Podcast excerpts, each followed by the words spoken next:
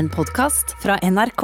Thomas Seltzer er musiker, låtskriver og programleder på TV. Med bandet Turbonegro har han gitt ut elleve album og opparbeidet seg et hengiven publikum verden over.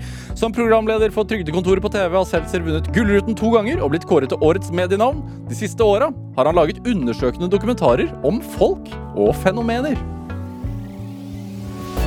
Dette er Drivkraft med Vegard Larsen i NRK P2. Thomas Seltzer, varmt velkommen til eh, Drivkraft. Forget about it. Ja, Det syns jeg er fint. Forget about it. for, forget about it. Ja, da, men har du ikke, Er det ikke Donnie Brasco hvor de har, så- det er så mange forskjellige varianter, bare intonasjonen i det, at det betyr så veldig mange forskjellige ting? Forget about it. Forget about it. Ja, jo. Det, det, dette tenker du mye på, gjør du ikke? Nei, nei ikke så ofte, men I. I neandertalerhjernen din.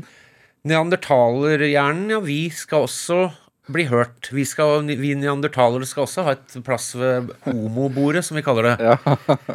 Fordi at jeg tok sånn 23andMe, eh, hvor man sendte inn spytt. Altså eh, DNA-test DNA, hvor man sender spytt i et rør til Silicon Valley. som man egentlig blir ikke noe særlig oppfordret til å gjøre, fordi at man vet ikke hvor lenge de sitter på dette her, og hva de gjør, bruker det til. Nei. Men de kan bruke det til hva som helst, bare klone meg, eller det er kanskje ikke det, de greier det med spytt, men Men så, og da, når det kommer nye funn, på en måte, eller når de finner opp nye ting, eh, finner på nye ting, så får man melding om det. Basert. Og da fikk jeg melding for en tid tilbake om at jeg tilhører noe sånt som den, den 5 av verdens nålevende befolkning som har flest de, neandertalergener.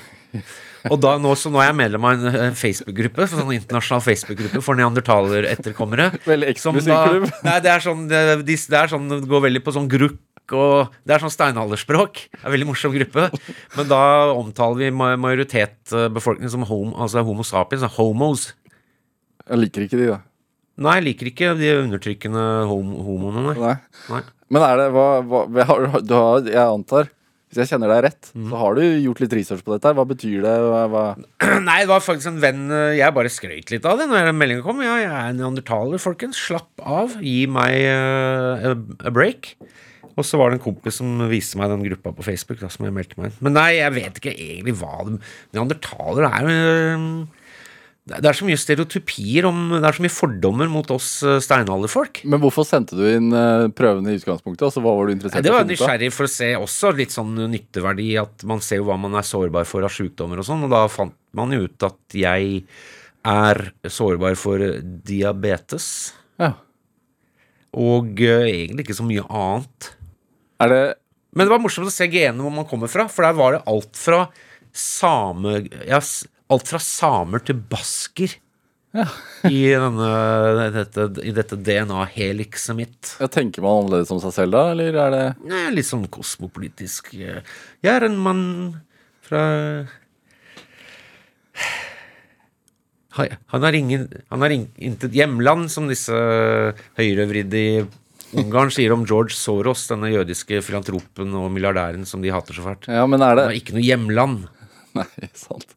Er det Men er det Nå har du blitt trønder, da. Ja. Er det en del av den Nei, prosessen at du har vært eh, interessert i å finne ut hvor opphavet ditt egentlig er fra? Altså, siden du Nei, det har ikke vært noe sånn veldig Han trønder i redaksjonen min, han sa at du har flyttet til allværsjakkens hjemland. Det er, eh, Trøndelag er veldig fint, eh, en fin region. Det er veldig kule folk, koselige folk, og veldig fin by, Trondheim. Det er helt jævlig vær. Ja. Og jeg som alltid på en måte Ikke på en måte, jeg har alltid slengt mye dritt om Bergen. Eh, men faktisk der syns jeg Bergen har fått en for eh, bad rap, eh, som det heter. Altså, været i Trondheim er verre enn i Bergen. For du har bergensværet, du har bergensvinden, men så har du også liksom finse... Nei, du har bergensregnet, men så har du også finse vinterstorm på høyfjellet. Det har du midt i byen. Og spesielt den våren nå som var nå, var helt jævlig. Jeg hadde en kompis på, besøk. 21. mai, tror jeg det var, så kjørte vi over en av broene over eh, Nidelven. Og da, da snødde det horisontalt, og sånne vrengte paraplyer og sånn på folk som gikk over eh, da, Så han filma og lo mens han filma, og så la han det ut på Instagram. Det var så dårlig, men til og med trønderne selv sa at nå er det helt ko-ko dårlig vær her. Men da følte du deg Da er du på rett plass. si. Jeg vet ikke. Men det er mye allværsjakker, mye Gore-Tex, mye praktiske klær i Trondheim. Ja. Som vi sier at når eh, trønderpiene får på seg den tynneste merinoulla og den tynneste Gore-Texen og sitter i solveggen, da, da, er, da er våren kommet. Dette er Drivkraft med Vegard Larsen i NRK P2. Og i dag er musiker og programleder Thomas Seltzer her hos meg i Drivkraft. Altså, du, eh, en ting er trønder, men du er blitt Altså, vi kjenner deg som musiker, og så kjenner vi deg som sånn som de talkshow-vert i Trygdekontoret. Det, er, det er det det er, talkshow-vert. Ja. Eh, de siste årene så har du begynt å lage dokumentarer. Undersøkende dokumentarer om folk. Mm. Hvorfor ville du det? Eller hva er det som har drevet deg? Er det, en- er det, Det er er det nysgjerrighet? nysgjerrig, alltid vært en nysgjerrig Per, Ja. Um, som nå kom ned fra loftet. Nysgjerrig Per på loftet har nå kommet ned og har et uh, kamerateam med seg. Og nei, jeg bare Jeg tenker at det er noen episke aspekter ved nesten alle liv. Eh, altså, du kunne lagd en episk power eh, ballad om egentlig alle livene som er levd, som leves og er blitt levd. Og ehm, da tenker jeg at det er fint, kult å få fram det. Og at alle Nei, det er liksom Ja, Var det noe, så du, var det et tomrom der, mener du? Ja, altså nå lager vi jo om USA. Ja, og nå, føler jeg, og Ja. jeg blir jo ofte sammenligna med Louis Thoreau. Jeg kaller meg Louis Not So Thorough. Ja, Louis Thoreau, altså britiske dokumentaristen. Ja, den britiske dokumentaristen som reiser rundt med briller, han òg, og er og bare Hæ? Og det, han er jo kjempe Han er jo en gigant innen eh, faget. Og og lager feltet. veldig gode dokumentarer. Lager veldig gode Men jeg føler at han er litt sånn og her er det en by hvor det bare bor pedofile, hvor de har blitt plassert. Å, dette er rart. Og bare i Amerika hvor det Altså sånn rar sånn freak-TV Ja, syns jeg er litt, uh, litt dølt, på en måte. Eller det er på en måte litt sånn øh, lavthengende frukt, da. Uh, her er en by hvor det er en liten by uh, hvor det bare bor dverre, sirkusdverger i Florida om vinteren, og så er de med sirkus resten av året. Altså, uh, er det, det er kult han- å se, men også lage en hel, bygge en hel karriere på liksom uh, sirkusdverger er uh, Ja, så er han veldig gjerne med inn på soverommet ofte. I Ja, han går rundt uh, med uh, med øya vidåpne øyne. Så, men jeg tenker at uh, da er det bedre å Altså, hvorfor lage Hvorfor finne freaks når va vanlige folk er freaky nok, mener jeg. Ja. Men er det Du begynte jo med å, å lage dokumentar, en dokumentarserie i Norge. Altså Mm, mm, Norge, Trygdekontoret dokumentar. Det har blitt ganske mange. Ja, og jeg tror at det er det kanskje vi skal drive med framover. Ja. Så um, Og nå også UXA, ja. som kommer på TV nå 6. oktober. Mm. Er det Ikke noe NRK-program Som det ble påpekt i går. Jeg var og holdt et lite foredrag om Amerika. Og da var det en som sa Hvor holdt du det? Hmm? Hvor? På, eh, for eh, forskerne på NUPI, Norsk utenrikspolitisk institutt. Så nå er jeg med å bestemme ge norske geopolitiske strategier. Det bør folk eh, sove veldig godt med tanke på. Nei da. Men da var det en som sa har dere lagd 90-talls NRK-program? Hvorfor det? Nei, for at du kunne ikke lage program på 90-tallet uten at det var en X eller en Z med i navnet. Ja. Og det har jeg ikke tenkt på, men det hadde han helt rett i. Neste spørsmål. Men hva er det som er hva, Altså Det er valg i USA, det vet vi. Det er vanskelig å ikke få med seg. Er det derfor dere har gjort dette her? Ja. Det er for å se på Vi dro, dit, vi dro til USA i, 20, i forkant av det forrige valget og besøkte mine gamle slektninger. Og for å se Egentlig for å vise hvorfor Trump uh, kanskje kommer til å vinne. Um, og det er jo en Og så følger vi opp det nå, da. Så vi besøker øh, hun ene. Og så um, Så vi har vært over tre turer, og vi skulle over fire, men den fjerde måtte vi kansellere pga. pandemien. Fordi Bolsjevik-NRK, ARK, nektet frie menn å dra til frihetens land. Ja, det er kvalmt. Ja, er Nei, ja, Vi fikk beskjed øh, NRK satte ned foten dagen før vi skulle dra. kanskje greit. Det er, Ja, det er like greit. Det er like greit. Ja. Um, og da var vi um, det- Så vi dro over nå for å på en måte UXA handler om en uh, nasjon som er i ferd med å gå i oppløsning. og Derfor X-en, altså U-en og A-en, er på en måte i ferd med å bli dratt fra hverandre. Og um, eh, det er historien om 40 år med nedbygging av det amerikanske, det amerikanske prosjektet, kan vi si. da, Fellesprosjektet Med reallønn som har stått stille, øh, og levekostnader som har gått i været. Og egentlig den, sosial, den amerikanske drømmen var jo en kontrakt om sosial mobilitet. At øh, kom til Amerika, det er ikke sikkert du får det så veldig mye bedre, men du skal jobbe hardt, og da får barna dine det bedre. Og det vi ser nå, altså de såkalte millennials, altså de som er sånn 25-30 i dag, de øh, øh, halvparten av de kommer til å få det verre enn foreldrene sine økonomisk. Ja, de har det vel Ja, Så det er en del øh, stiger som har blitt dratt opp. Det er en del uh, takluker, uh, altså det er en del loft, eller altså toppetasjer som har blitt stengt. Så den mobiliteten har størkna, da. Hva skjedde for 40 år siden? da? Hvorfor sier du at Det er at da kom jo denne Det man nå er veldig bredt og kanskje litt slurvete kaller for en, en nyliberalismen. Altså dette med, med frislipp, bl.a. blant annet NAFTA, denne handelsavtalen som Reagan drømte fram og Bill Clinton gjennomførte. Frihandel, eh, som da tømte USA for eh, det man kaller altså disse fabrikkproduksjonsjobbene, da.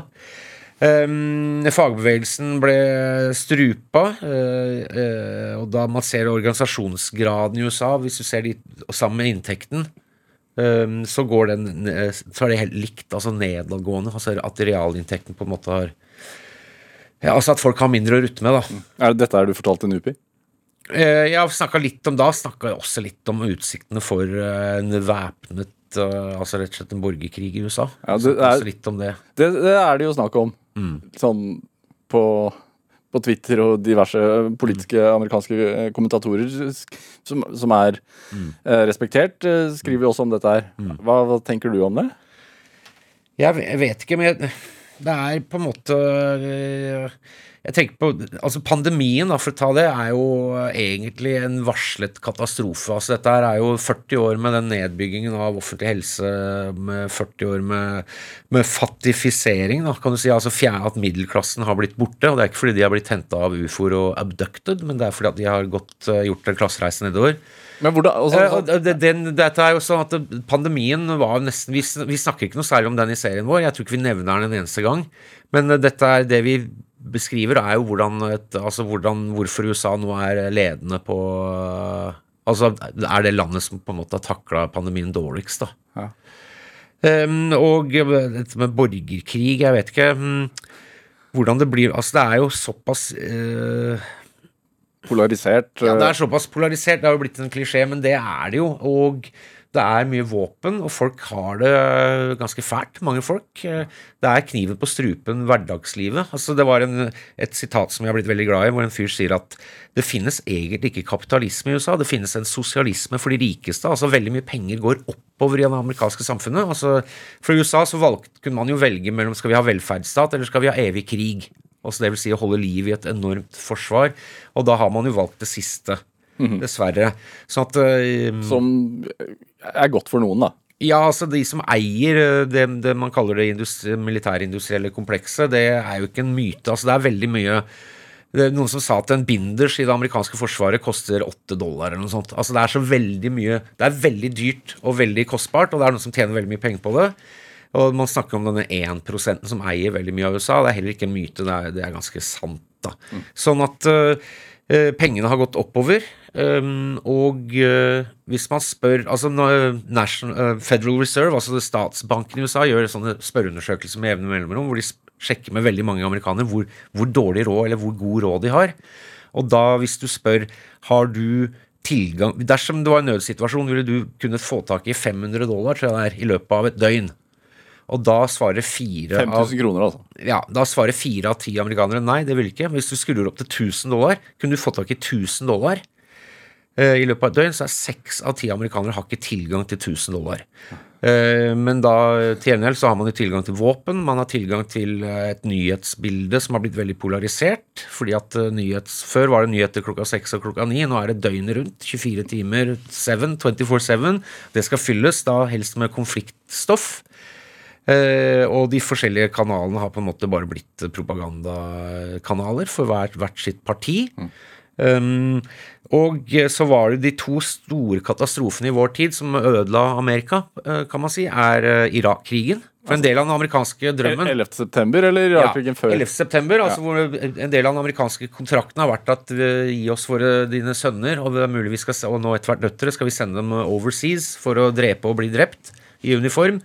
Og det har man gjort. altså Hvis man drar hvilken som helst småby i Midt Midtvesten, så er det et svært monument eh, midt i byen med alle som Dette er byer hvor det bor kanskje 200 folk, og så ser du på monumentet hvor mange som døde i Belgia liksom, i første verdenskrig, fra denne byen.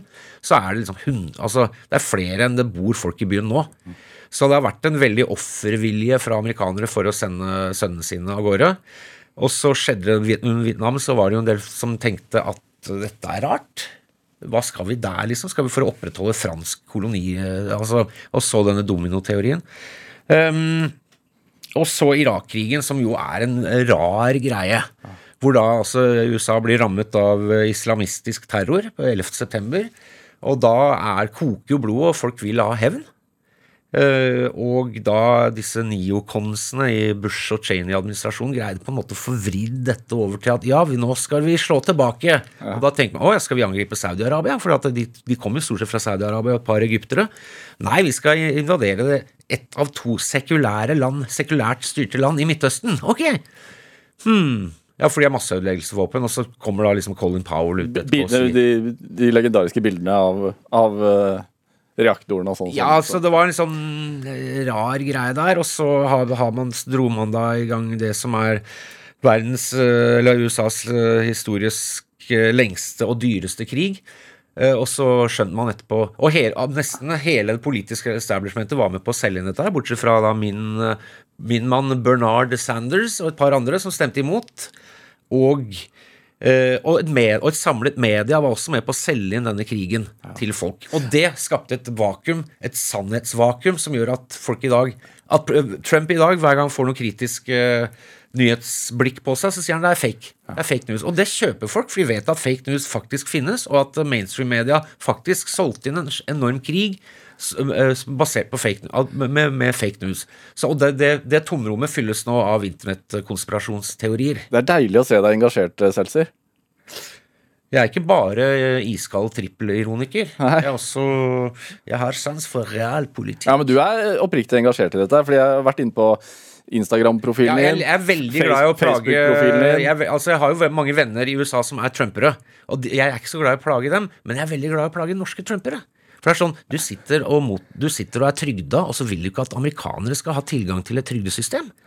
Det er merkelig, altså. er det derfor du har liksom fylt uh, Ja, jeg bare pøser inn med på. Sånn memer? Jeg liker jo å krangle, og så ja. liker jeg å Jeg er en shitstarter, som det heter på godt norsk. Jeg liker å dra i gang litt skitt, og det gjør man jo til gangs. Men en del av dem har på en måte gitt opp. Hvor mye, hvor mye, kan man forandre med en meme på internett, eller en meme? Eller hva? Man kan dra i gang mye dritt, ja. og det er gøy. Ja, det liker du. Mm. Altså sånn uh, Du er jo amerikaner. Mm. Uh, eller halvt amerikaner. Ja. ja. Uh, hva tenker du om at, at vi har så mange USA-eksperter her i landet? det, er blitt, det er flere hundre tusen USA-eksperter. Ja. Det er ikke en beskytta tittel, da. Anne Kat. Hærland sa at hun skulle lage ja, USA. Så, ja. så artig. Hun skal lage om norske trumpere, så jeg i avisa i dag. Ja. Ola Borten Moe skriver innlegg om, om Ola Borten Moe skriver innlegg om USA og Trump. Og, altså Folk er engasjerte i USA i Norge. Mm. Hva, hva syns du som amerikaner om det? Det er fint. Jeg skjønner jo det. Altså, USA er jo en geopolitisk uh, viktig greie. Og jeg har jo i min tid i Norge sett opplevd mye antiamerikanisme. Og det er, det er, et uh, underlig dyr. Ja, hva, hva, hvordan har du opplevd det? Nei, altså det første noensinne no, Det første et annet barn noensinne sa til meg, var Vi, vi kom til et norsk barn, da. Vi, kom, vi var hos bestemora mi på Åldalsbruk i Løten. Så var det en jente som kom bort til meg og sa hun, Amerika er et dumt land. Og så gjentok jeg det fonetisk, og så løp jeg hjem til mamma og spurte hva, hva var det hun sa for noe. Og så sa jeg hva hun jenta hadde sagt. Så sa hun nei, det er Amerika er et dumt land, sa mamma på engelsk. Ja. Og fra den dagen så tenkte jeg veit du hva, det er det ikke. Det er Norge som er et jævla dumt og kjedelig land. Hvor, altså, hvor gammel var du da? Broren min og jeg var vi, altså på lørdagsmorgen lørdagsmorgen og formiddag i USA på 70-tallet og sitte i pysjen og se på TV. Ja, Wisconsin. Ja, det, helt, det var så fett. Altså, det var masse voldelige tegnefilmer. Og, og, det var sånn Jackson 5 spilte live på barne-TV. Ikke sant? Og så kom vi til Norge, og da kom vi til tanta mi først. Og da skrudde jeg på TV-en sånn to-tre-tida på dagen. Og så var det snøstorm. Og så sier hun nei, det er ikke TV i Norge før liksom fem-seks-tida. Jeg bare, vet du hva? Vi, skal, vi drar tilbake til Amerika, mamma. Men er det Nei, så antiamerikanismen er et øh, Altså, det var jo nesten ingen Dette var jo rett etter Vietnamkrigen. ja, For du kom til Norge i 75, ja, 76, 75. Seks år gammel. Ja, og da var det jo Vietnamkrigen akkurat avslutta. Det var som det satte veldig preg på folk, tror jeg. Det var liksom to grupper i Norge som fremdeles likte Amerika. Det ene var eh, Håkon Lie, gjengen hans. Og så var det sånn unge høyrefolk på Ullern som gikk med, med bilde av Ky, altså han diktatoren som ble satt inn for å styre Sør-Vietnam, han som likte Adolf Hitler. De to gjengene der likte Amerika. Resten av nordmenn likte ikke Amerika, da. Sånn at øh, Nei, jeg har jo blitt konspiratorisk øh, om dette her. øh. Jeg mener jo annet at skateboardforbudet som kom i 1978, er et resultat av antiamerikanisme, som går ut på at ja, greit nok at de skal fylle unga våre med Disney og Coca-Cola og alle søppelkulturen sin, men de skal ikke komme her og knekke håndledda på unga våre. Det skal unga våre gjøre i hoppbakken og på fotballbanen. Så øhm, det er ikke Altså det var kulturell for- forurensning. Det er ikke tilfeldig at altså min gode venn og kollega Knut Skreiner, hans far, eh, var, er kjemiker eller biolog, tror jeg, og eh, har vært jobbet i alle år i Statens forurensningstilsyn. Og det var Statens forurensningstilsyn og faren til Knut og kollegaen hans som ble satt til å forvalte skateboardforbudet. Så dette var rett og slett kulturell forurensning. Men, eh, altså, du, men du har sett en, eh, altså, Synet på Amerika har forandret seg eh, siden 76 eh, i Norge. Ja, men det er jo et rart USA er et svært lerret som folk projiserer sine egne ønsker på. Det ser jeg med norske trumpere. Det ser jeg også med ja, eksempel at eh, folk både på høyresida og venstresida av Norge tror at Obama og Hillary Clinton var slags SV-ere. Og det var det ikke. Men er det, er det, er det liksom Og så husker jeg også sånne unge høyrefolk og Frp-folk og sånn da jeg var kid. Eller sånn på, på 80-tallet. De trodde det tror, det, De tror kanskje den dag i dag De tror at USA er et slags skatteparadis. Og så tror man at det amerikanske forsvaret er en sånn høyremilits. Altså det er mye sånne rare forestillinger om, om USA. Hvor kommer det fra, tror du? Det er jo veldig mye film og TV og sånn. Eh, og um, jeg merka det når vi lagde den første Den dokumentaren vi lagde som kom før valget i 2016, det at eh, hvite folk i USA er fattige. Og ikke nødvendigvis bare sitter og spiller Ikke bare de som sitter og spiller banjo på en bro og har litt tettsittende øyne, som er det bildet man har av white trash, som det heter. da. Men liksom at vanlige, oppegående hvite folk i USA er fattige, det passer ikke inn i noe som helst narrativ. Fordi at det, USA er enten liksom Dallas og Dynasty, eh, og så er det hiphop-videoer. Ja, men Det er jo ikke sånn nå lenger, er det vel? Nei, jeg veit ikke. Det, det jeg mener at det, på en måte, det er hovedinndelinga. Og så er det noe country. Det er sånn velstående ranchfolk. da, Sånn jordnære Men er, men er det ikke også litt sånn arrogant å sitte i Norge og mene at, at uh, Trump er pest og kolera og altså, halvparten, Nesten halvparten av amerikanerne trykker han til brystet sitt. Det er veldig arrogant, og det er fordi at man ikke skjønner nettopp f.eks. den nøden som har rammet uh, store deler av, av Amerika. Hva sier amerikanerne du møter i serien nå, da? Nei, de sier jo at uh, det er et par som, som stemte på han, som ikke kommer til å stemme på han igjen. Um, og så er det hun kusina mi Kim, som er trygda da, og får 1070 dollar sånt i måneden. Hun sier ja, nei, dette har vært kjempebra. Trygda har gått opp med 14 dollar eller noe sånt i måneden. Og det Jeg hadde ikke hjerte til å si det, men trygdene, de der minstetrygdene i USA blir indeksregulert. Det har, det har ikke så mye Med mindre en, en administrasjon går inn og sier at nå skal dere få masse mer. Men så er det stort sett uh, Det blir lagt på noen dollar i året for å holde pris Altså prisreguleringen. Ja, men får du sympati da med, med sånn som kusina di? Altså? Ja, absolutt. altså En veldig god venn av broren min, som er gammel fagforeningsrørlegger fra Milwaukee, som har vært en tradisjonelt veldig rød by, eller rød, som vi sier i, i Norge, um, som nå lever av å legge betong på Walmart. La, la, han lager Walmart-parkeringsplasser. Eh, han stemmer Trump, og det kommer han til å gjøre igjen. Og det er sånn eh, ja, altså, å kaste en håndgranat inn i Beltway, altså inn i Washington DC, inn i maktens korridorer, det gjør jeg gladelig, og så er det gøy å se på. Ikke sant? Så det er en form for desillusjon Altså Folk tenker jo både det med Irak-krigen, det ødela tilliten til folk, og også finanskrisen, hvor bankene tok veldig mange hjem. Altså Bankene var med på å ødelegge deler av amerikansk middelklasse. Og eh, også etterpå tok bankene på seg sånn eh, hullete eh, strieserk og sånn tinnkopp, og så gikk de til, til regjeringa og sa vi må ha hjelp. Så da fikk de en trillion dollar i bailout. Så, som da, de som mista huset til banken, måtte også betale skatt for å hjelpe banken i redningspakker. Og det, det har vært en veldig ve- ve- Veldig tillitsbrudd i det, da. Men hvorfor er det viktig for deg at det norske folk får et mer liksom, nyansert blikk på dette? her? Fordi at eh, USA er er- Altså, hva som For å si det sånn.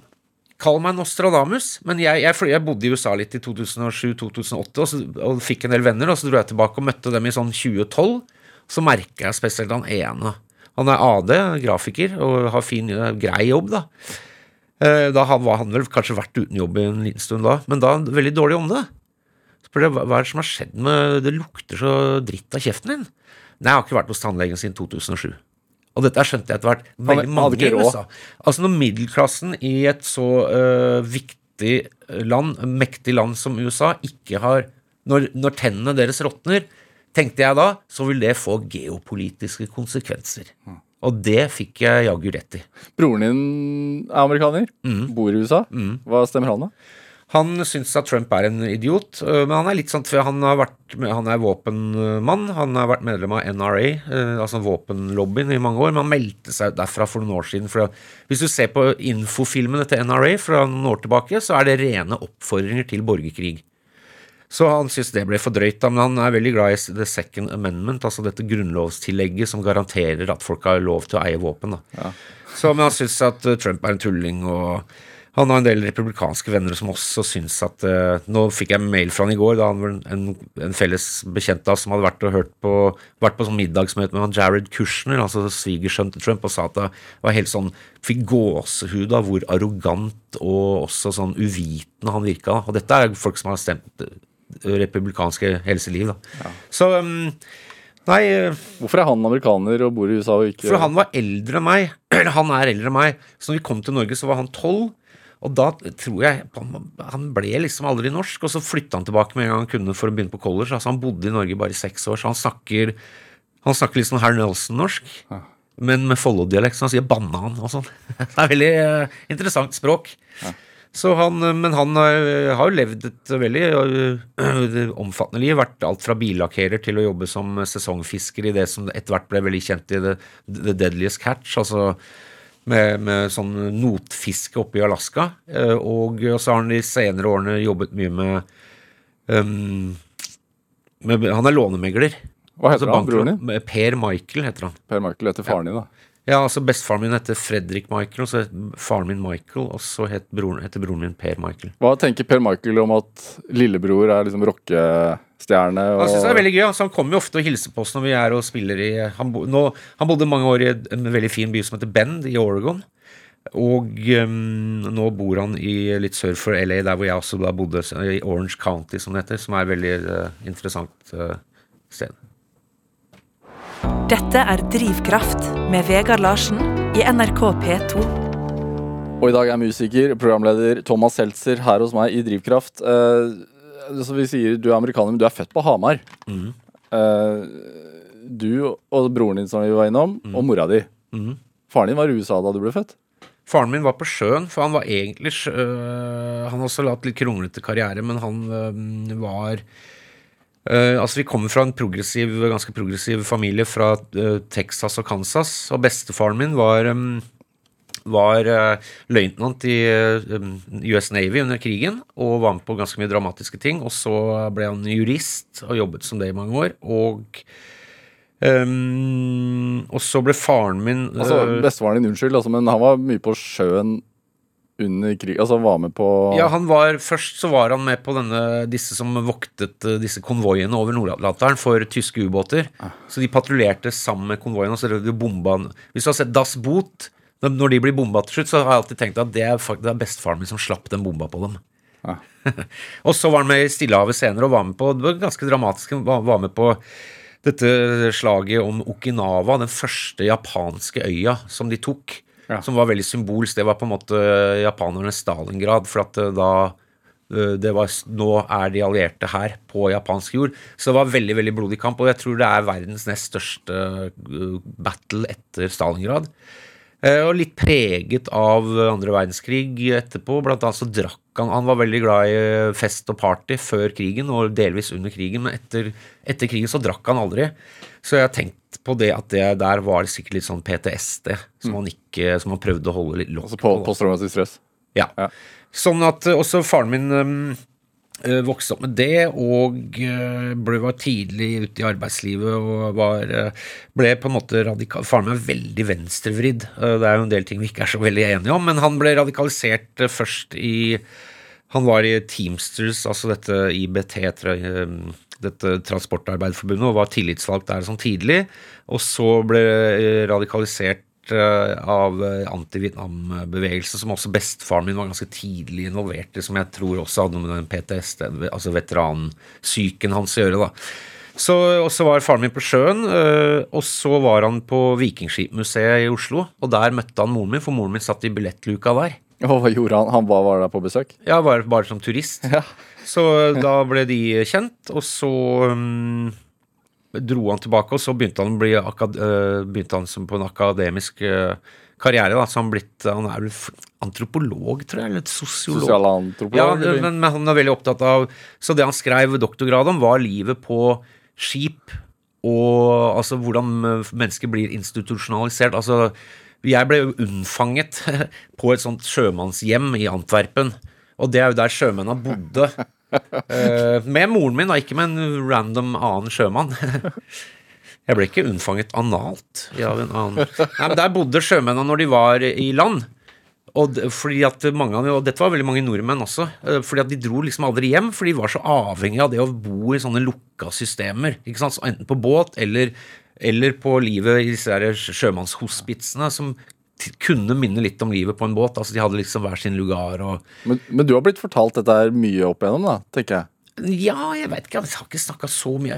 Jeg, jeg, jeg ba om å få se lese den doktorgradsavhandlingen hans, så jeg fikk den for noen år siden, men var liksom Var han eh, skeptisk? Han var ja, det litt eh, Det må være podkast, ellers så får jeg ikke jeg med meg. Det må være Facebook-oppdatering eller podkast, ellers så får jeg det ikke med meg. Ja. Men han var politisk engasjert, da. Han var Ja, altså veldig politisk engasjert, eh, som takket være da det, eh, den fagbevegelsesopplevelsen og da um, Vietnamkrigen. ja, Så at eh, mot Vietnamkrigen. Ja, veldig mot det, da. Så um, det har jo på en måte preget meg. Men jeg er blitt, jeg er blitt sånn Jeg er på en måte litt venstrevridd i hodet, for jeg tenker at det er systemer og det er strukturelle ting og sånn som avgjør hva folk gjør, men så er jeg litt sånn høyrevridd i hjertet. Jeg tenker at det er for lave straffer i Norge, blant annet, for liksom voldtekt og øh, dra og folk sitter i tre år for drap. Skulle sitte hele livet. Så jeg er liksom jeg er høyrevridd i hjertet og så venstrevridd i hodet. Hvor kommer høyrevriddet fra, da?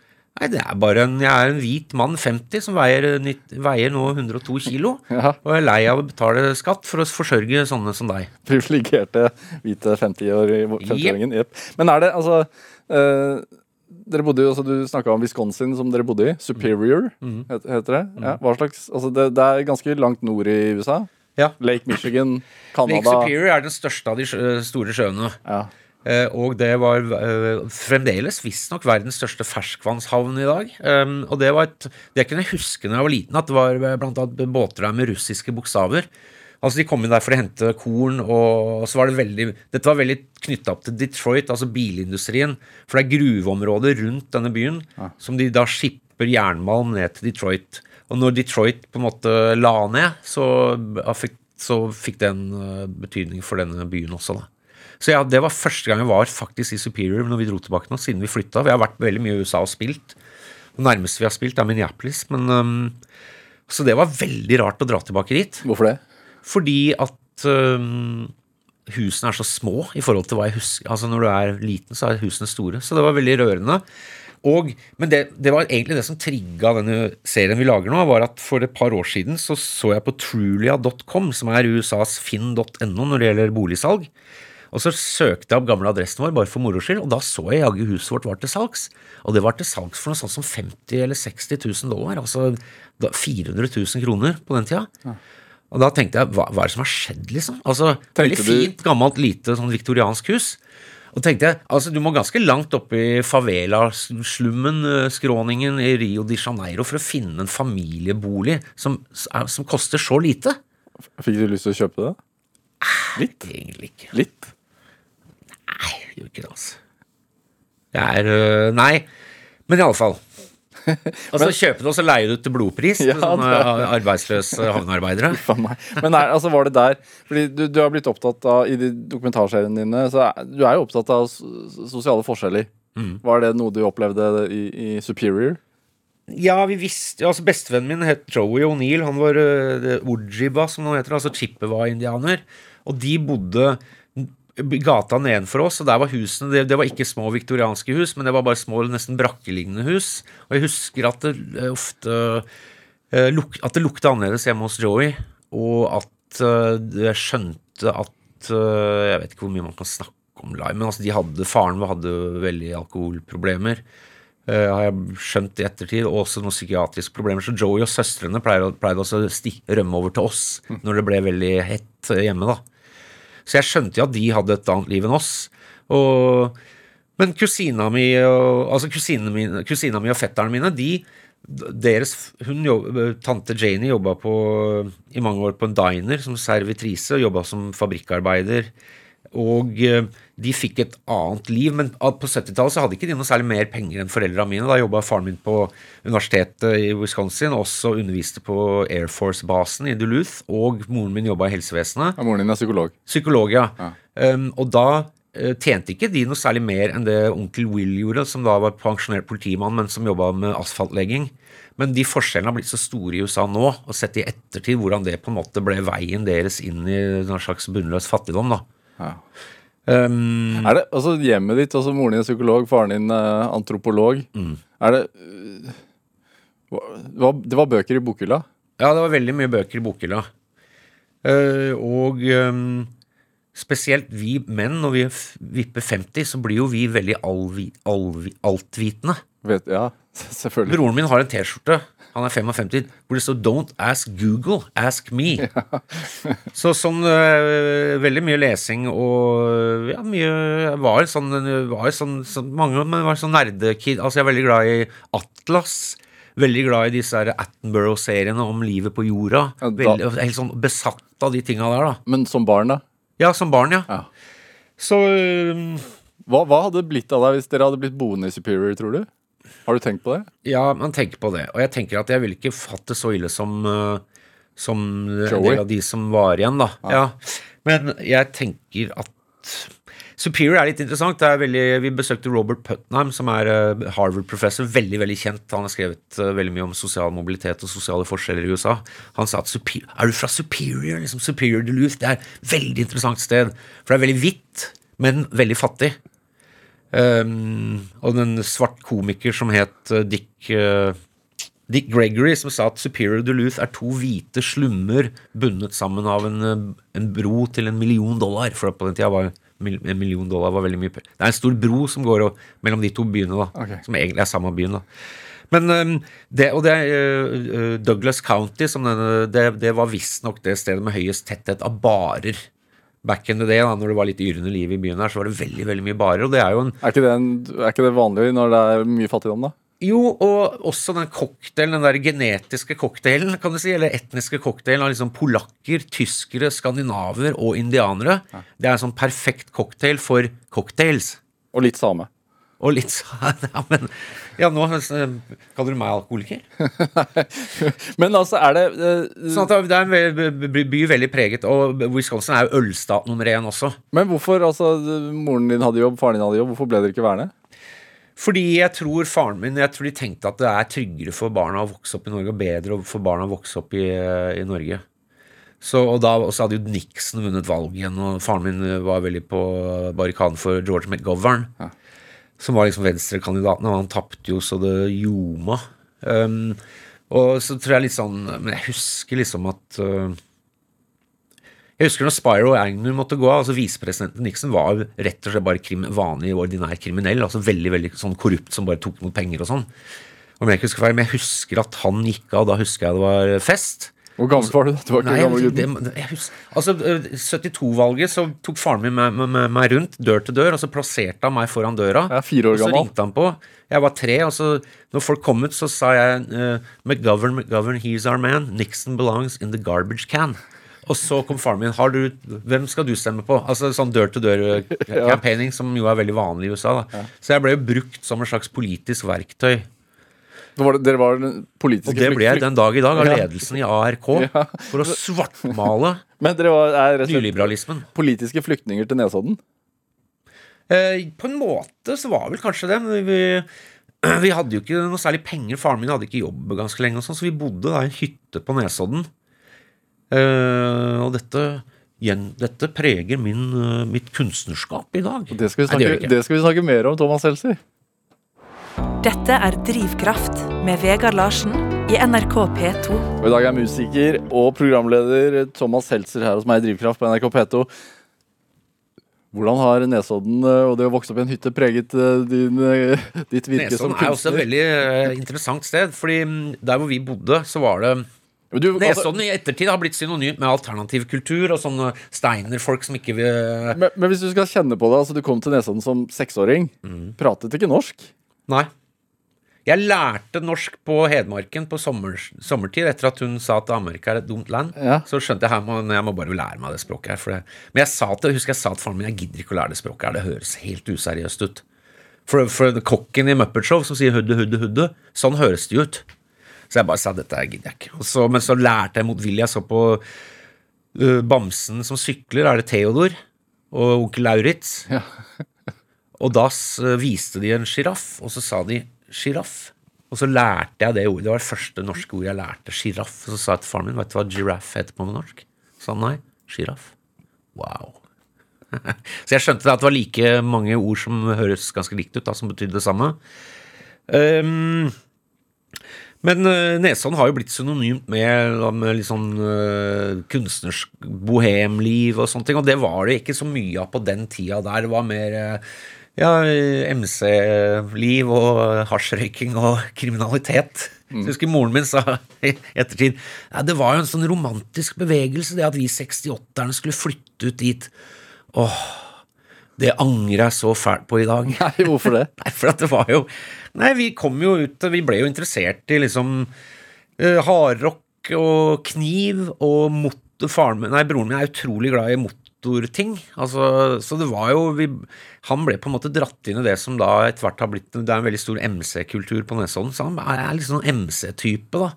Og glad i biler og sånn. Det har jeg aldri vært, egentlig. Men det er for- også fordi at han alltid kunne fikse Men følte du at dere passet inn, da?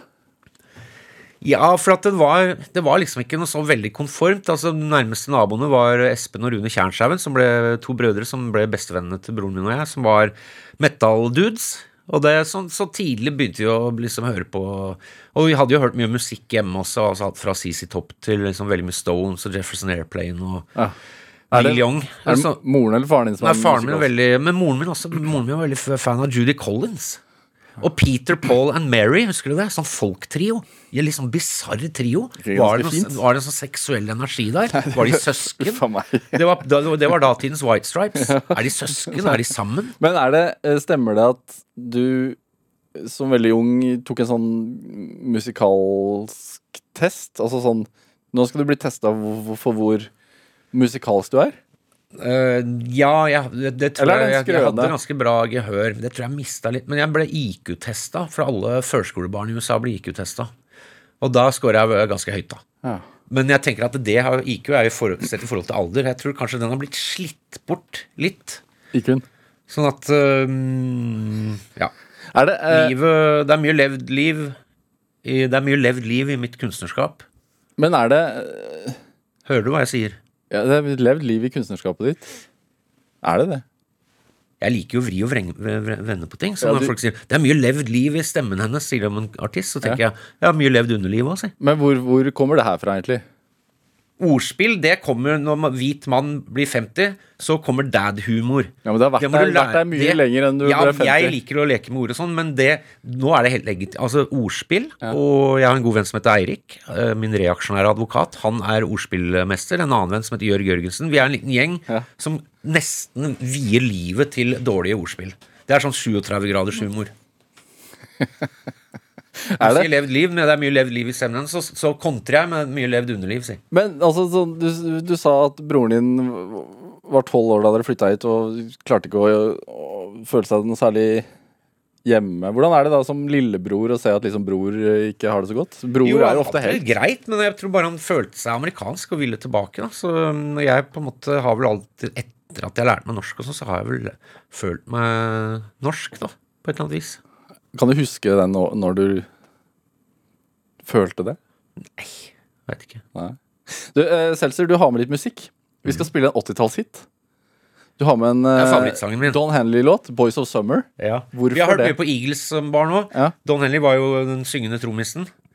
Med det eh, kar kar karakteristiske krøllete Var han litt en kjipe i The Eagles, eller? Han er en eh, kjiping, ja. Visstnok. Uh, ikke så kjip som Tom Petty. Tom Petty er psykopat, eller var psykopat. Men uh, Don Henley, denne låta ble skrevet av Tom Petty sin gitarist. uh, Michael uh, Er Mike Campbell han heter? og da han prøvde først å, at, Han ville først at Tom Petty og Heartbreaker skulle spille den, og så sa Tom Petty nei, det gidder jeg ikke, det er en drittlåt. Han hadde lagd en demo. Men så, når han fikk høre den ferdige versjonen, og det ble en gigahit, så ble han også rasende da. Han ble sur når han først hørte demoen, og så ble han jævlig sur når han hørte og skjønte at dette var en gigahit. Og Det er en nydelig låt, og den er ganske nostalgisk. Det er jo en sommerlåt, og de, de fineste sommerlåtene handler jo egentlig om høsten. Det handler om noe som har forlatt oss. Og det, eh, i videoen her så er han jo Han synger jo om livet i en strandby på høsten hvor alle har dratt, og denne dama har dratt. Eh, og det er jo også, tenker jeg, litt sånn Uh, snakk om Det er- handler litt om 80-tallet, altså liksom 60-70-tallet. Sommer var over, og så kom det kalde vinteren med 80-tallet. Så det handler litt om det. Og, og så tenker jeg det handler litt om altså Vi bodde på Dalbo på Fjellstrand på Nesodden, som var et hyttestrøk. Veldig mye tomme hus. Veldig mye tomme vinduer. Um, og litt sånn eh, Det var jo mye Oslo-folk der om sommeren. Liksom når Oslo-jentene dro inn til Oslo igjen, da var det litt kjedelig. Ikke sant? Så er, jeg føler veldig med, med i han fortelleren i sangen her. da Men er du nostalgiker? Innerst inne? Ja, er det. Hvis du skreller bort ironien? Absolutt. Ja. La oss høre, da.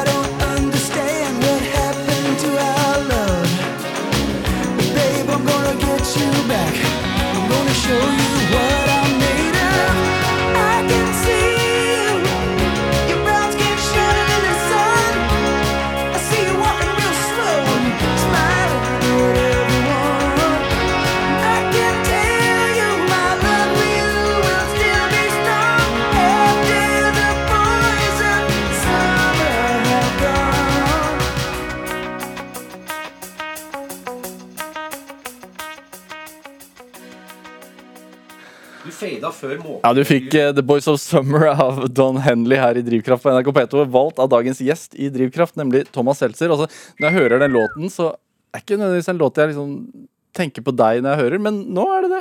Nå har det brent seg fast. Ja. Hvor viktig vil du si at Meg i sole, i strandsola med håret, vinden i håret og, Men du liker- og, og wayfair, hva er det de sier wayfarers. Altså, ja, men Du er jo surfer. Jeg er det. Ja. Jeg er en sommerboy. ja. Så det er, ikke, det, er det. det. er ikke så fjernt. Nei, jeg har til og med fått sånn brun flekk, evig brun flekk i panna, som jeg tenker jeg bare må få sjekka. Det er fordi at det har svidd seg inn på ene sida. Det er pga. surfing. Er det der, At jeg ikke har vært flink nok til å ha på solfaktor. er det der Happy Tone kommer fra? Så som, sommer... Nei, det var noe annet. Det betyr det motsatte. Det var en gang eh, jeg var eh, ute på byen med, med min gamle kollega og venn Pål Bødker Kjærnes, som nå er for øvrig produsent til Skal vi danse. Og han pissa på gulvet hjemme hos meg. Og når jeg våkna om morgenen, så var da ekskona mi var jævlig sur. Og så var vi veldig bakfulle begge to. Så måtte jeg dra og spille konsert med en, i et band jeg spilte. Jeg og Knut spilte sammen med en amerikaner som het Steve Bass. Og så han skulle introdusere meg på trommer, så han han mente han aldri sett et så fysisk uh, hungover menneske i hele sitt liv. Og ulykkelig menneske. Og da sa han on drums 'Happy Tom'. For at jeg var så nede og unhappy. Så har det blitt sitt st- stuck, da. Ja, og scenenavnet ditt for, i Turbonegro. Jeg blitt kalt for Chubby Tom. Og, uh, altså det er mye bassisme, som jeg kaller det. da Altså Mye rasisme mot bassister. Bong, bongo. Ja, det var, det var Vi prøvde oss med litt forskjellig. Alle skulle ha sånn morsomme uh, kallenavn i Oslo-rocken, for at alle har sånn kjedelige navn. Så da ble det har vært mye rart opp igjen. Det, det lurer jeg på, for jeg har aldri spilt i band. Altså, når, når man skal spille i band, og så samler man liksom gjengen, da. Ja. Hvordan finner man på disse navnene? Husker du i Reservoir Dogs når de krangler om hvem, hvorfor må jeg være Mr. Pink? Ja. Det er en kul krangel. krangel. Ja. Nei, det er jo bare Jeg veit ikke, ass. Det er vel uh...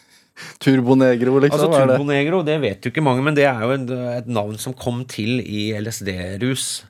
Og jeg skal ikke nevne navn, det var en som så det stava Eller graffiti hvor det navnet sto under en uh, jernbaneundergang ute på Ski. Eller ute, uh, Prins, ut i Prinsdalen eller noe sånt. Og da sa han jeg har sett, det er tidenes bandnavn Turbo Neger da, som det het da. Og da um, Og så var han litt bleik i nebbet liksom uka seinere, så han vet det derre det navnet, det står ikke spraya under der, det. Så viste det seg at han hadde tatt noe som het microdot, som var liksom populært på den tida, som blanding av amfetamin og LSD. Så var nok eh, en rett og slett en hallusinasjon. Ja. Man skal ha respekt for disse kosmiske tingene som kommer i psykedelisk eh, versjon. Men hvor identitetsskapende har det vært for deg? Musikken? Det er veldig viktig å spille i band. Det er veldig, jeg har på en måte lært det har vært Min skole har vært å spille i band. Man har lært om mennesker, man har lært om forretningsdrift, man har lært om Hvor enkel har du vært å være i band med? Jeg er jo en jævlig kranglete og dominerende fyr, på sett og vis, men det har liksom gitt seg litt, da, tenker jeg, i og med at testosteronet også har gått ned. Men uh, nei, vi er jo en uh, salig gjeng, da, det kan man jo si. Men det er, det er gøy og veldig koselig og veldig privilegium. Vi kan jo liksom, Når andre menn på 50 de tar, de tar en weekend med gutta i Barcelona eller fotballtur til Manchester, så er det sånn Nei, vi skal til Vi kan dra til liksom Sydney og spille og selge ut et uh, stort lokale der. Så det er liksom Det er kul uh, det er liksom Vi skal dra og spille i Berlin, vi får 1500 folk, liksom. Og så kan vi også bo på fint hotell og kose oss med noe sjampis og noen drinker og god mat og sånn. Så det er liksom Det har blitt vår, vår sånn guttetur, da. Ja. Men det er et veldig privilegert uh, gutteturopplegg, da. Men hvordan vil du altså, Turbo Negro, eller ja, er jo altså, Hvordan vil du beskrive balansen der mellom liksom inderlighet og, og pastisj?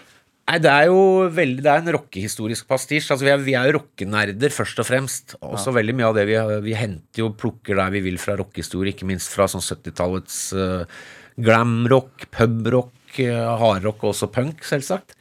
Og um, Er det fra Blitz-miljøet dette kommer? Nei, eller? da var vi mer hardcore. Vi var, jeg og et par av de andre var jo en del av det miljøet til en, til en stund, og så ble vi på en måte skjøvet litt ut, da, for vi syntes at det var litt konformt, og liksom mye av det politiske greiene var ikke helt med på det, liksom, når de skulle demonstrere mot Gorbatsjov, liksom, hva i alle dager er det?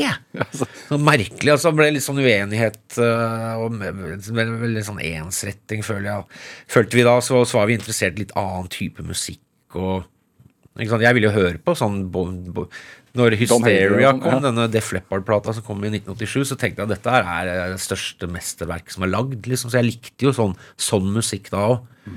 Um, uten at det var noe guilty pleasure, men det var liksom, dette er dritbra. Mutt Lange, altså mannen til Shania Twain, som har produsert den. Han er jo produserte også Back in Black og noen andre veldig, veldig uh, godtselgende uh, rockealbum. Men dere har jo fått fotfeste i liksom små uh, miljøer over hele verden.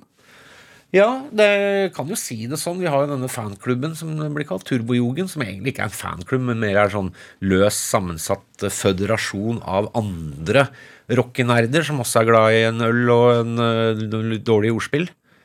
Så um, Og det har vært veldig hyggelig. Jeg har fått noen veldig gode venner gjennom den der eh, lille bevegelsen der. Og veldig kult. Altså, men det er litt sånn, vi prøver å ha litt sånn anarkistisk stil på det. Det er liksom ikke sånn lederskap og de tinga der, da. Hvordan er det når man blir liksom runde 50, og hva er veien videre nå for, for det bandet og for deg som musiker? Som en, en god venn av meg, han eh, gikk på kunstskole, hadde en tysk eh, professor som sa at uh, when, uh, I, Han som da fylte 50, da når, når han gikk på Han sa at yeah, I've, I've, I've, I just turned 50, and it is like going down full speed down the autobahn, but there are no more gas stations. sånn føler jeg nå. For Jeg begynner å merke litt sånn i kneet, litt sånn gammel snowboardskade. Begynner å bli, sånn, bli litt plagsomt om morgenen nå. Eh, merker altså Kroppen er i full fart, da, men det er jo eh, en viss retning, da. Men du er jo også du er en person som har vært en øh, omfavnet liksom outsider-rolle, og så har du blitt veldig innafor. Mm. NRK, Mm. folk, dokumentarer om folk flest. Hva er, hva er det som er drivkraften til Thomas Seltzer om dagen? Være seg sjøl. Være seg sjøl? Nei, drivkraften er jo Det er jo veldig fint å få jobbe i eh, NRK, ARK. Det er jo fint å få lage dokumentar om akkurat det jeg vil, og Nei, det å vise liksom, Jeg syns bare det er fint å vise øh, menneskeliv. Jeg syns det er veldig gøy. Altså. Det er jo nysgjerrig, og så er det jo Altså, jeg tenker alle som står på en scene eller foran et kamera, er jo narsissister. Og det, det er jo en narsissist inni meg òg, men jeg håper ikke det er den der de, Narsissisme kan jo være ganske destruktivt. Altså Min gode venn og din gamle gjest Finn Skårderud har jo beskrevet at eh, narsissisten har et sånt bitte lite tomrom helt innerst i sjela, som man prøver å fylle opp med oppmerksomhet og applaus og rampelys og Ja. Ikke sant? Så jeg håper på en måte Jeg kjenner vel litt på det tomrommet, det, men det gjør vel alle. Det får bli Det er som, for, å, for å sitere Herman Tønnesen, den filosofen, norske filosofen som underviste på UCLA Nå over, er- går vi ferdig han sa lykken er å bli sparket i hodet av en hest før skolepliktig alder. Tusen takk for at du kom til Drivkraft. Jeg heter Vegard Larsen. Vi høres. Du har hørt en podkast fra NRK. Hør flere podkaster og din NRK-kanal i appen NRK Radio.